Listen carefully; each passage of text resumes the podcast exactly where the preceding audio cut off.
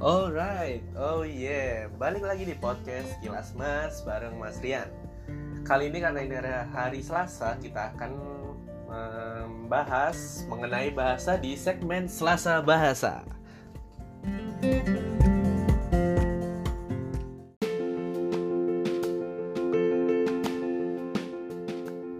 Selasa Bahasa merupakan segmen di podcast Kilas Mas yang akan membahas mengenai seputar bahasa, khususnya bahasa Indonesia, seputar linguistik, yaitu ilmu yang mempelajari tentang mengenai bahasa Indonesia. Karena sedikit info, uh, aku merupakan lulusan dari sastra Indonesia di salah satu universitas di Yogyakarta dan mungkin kurang lebih cukup paham mengenai linguistik dan kebahasaan Indonesia kita bahas apa hari ini yaitu kita akan membahas hal yang sebenarnya erat banget digunakan dalam bahasa Indonesia sehari-hari bahkan yaitu mengenai istilah-istilah linguistik mengen apa bedanya uh, homofon, homograf dan juga homonim.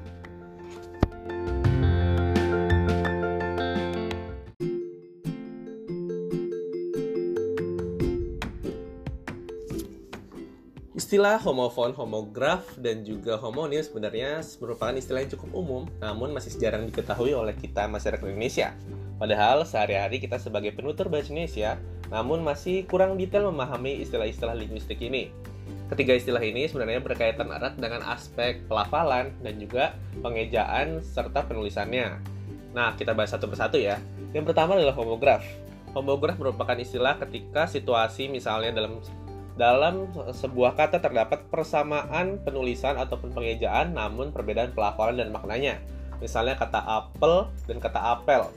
Kata apel dan apel memiliki penulisan yang sama ataupun pengejaan yang sama yaitu AP dan AP, A, P, E dan L.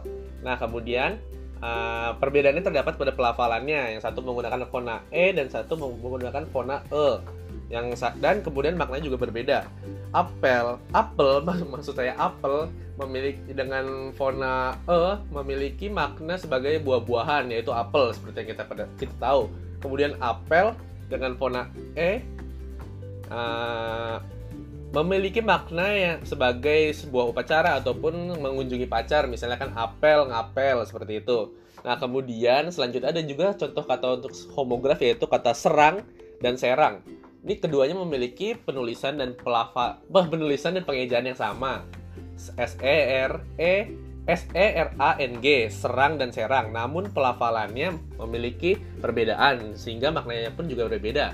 Serang yang satu sebagai uh, memiliki makna menyerang, menyakiti satu sama lain. Misalnya dalam dalam sebuah perang mereka saling serang menyerang.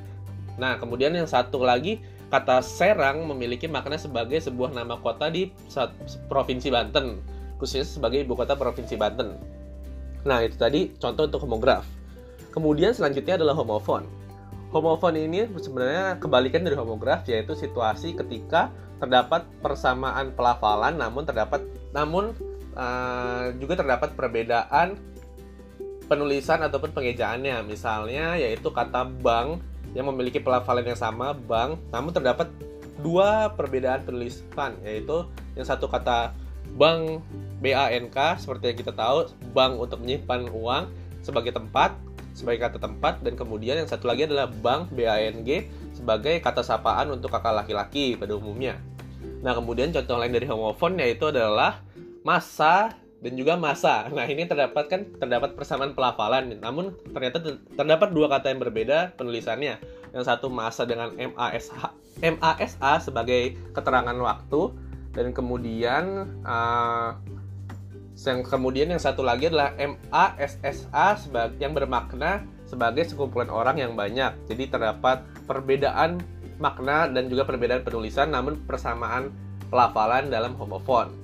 Kemudian yang terakhir adalah homonim. Nah, homonim ini merupakan uh, kalau dibilang gabungan dari homograf dan homofon karena terdapat persamaan pelafalan, terdapat persamaan ejaan, namun perbedaannya adalah hanyalah pada maknanya.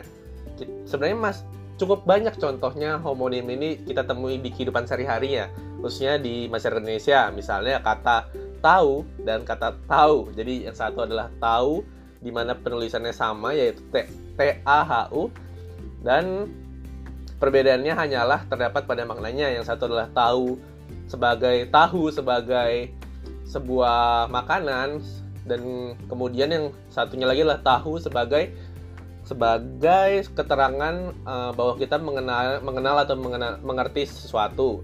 Kemudian juga terdapat kata bisa dan juga bisa karena kita memiliki persamaan penulisan dan ejaan BISA namun juga persamaan pelafalannya.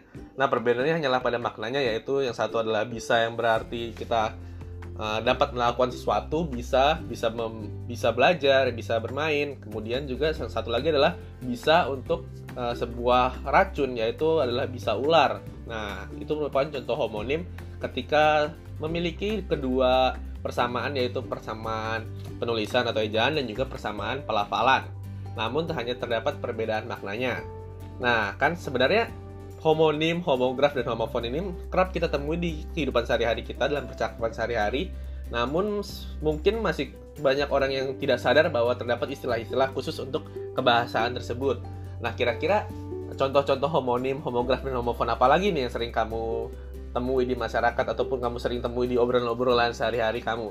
Kira-kira menurut teman-teman gimana nih? Nah, bisa banget kalian komen, kalian share, dan juga kalian bagiin, kalian mention teman kalian yang kira-kira perlu tahu banget nih mengenai kebahasaan dan ilmu-ilmu mengenai bahasa atau linguistik di Indonesia ini. Karena sebenarnya eh, bahasa Indonesia ini sangat beragam dan juga sangat uh, patut ditelusuri lebih dalam, khususnya kita sebagai penutur aslinya. Nah, mungkin cukup sekian kali ya di Selasa Bahasa kali ini. Kira-kira kita mau bahas apa lagi nih di Selasa Bahasa selanjutnya?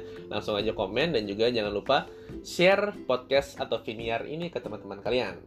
See you, sampai jumpa kembali.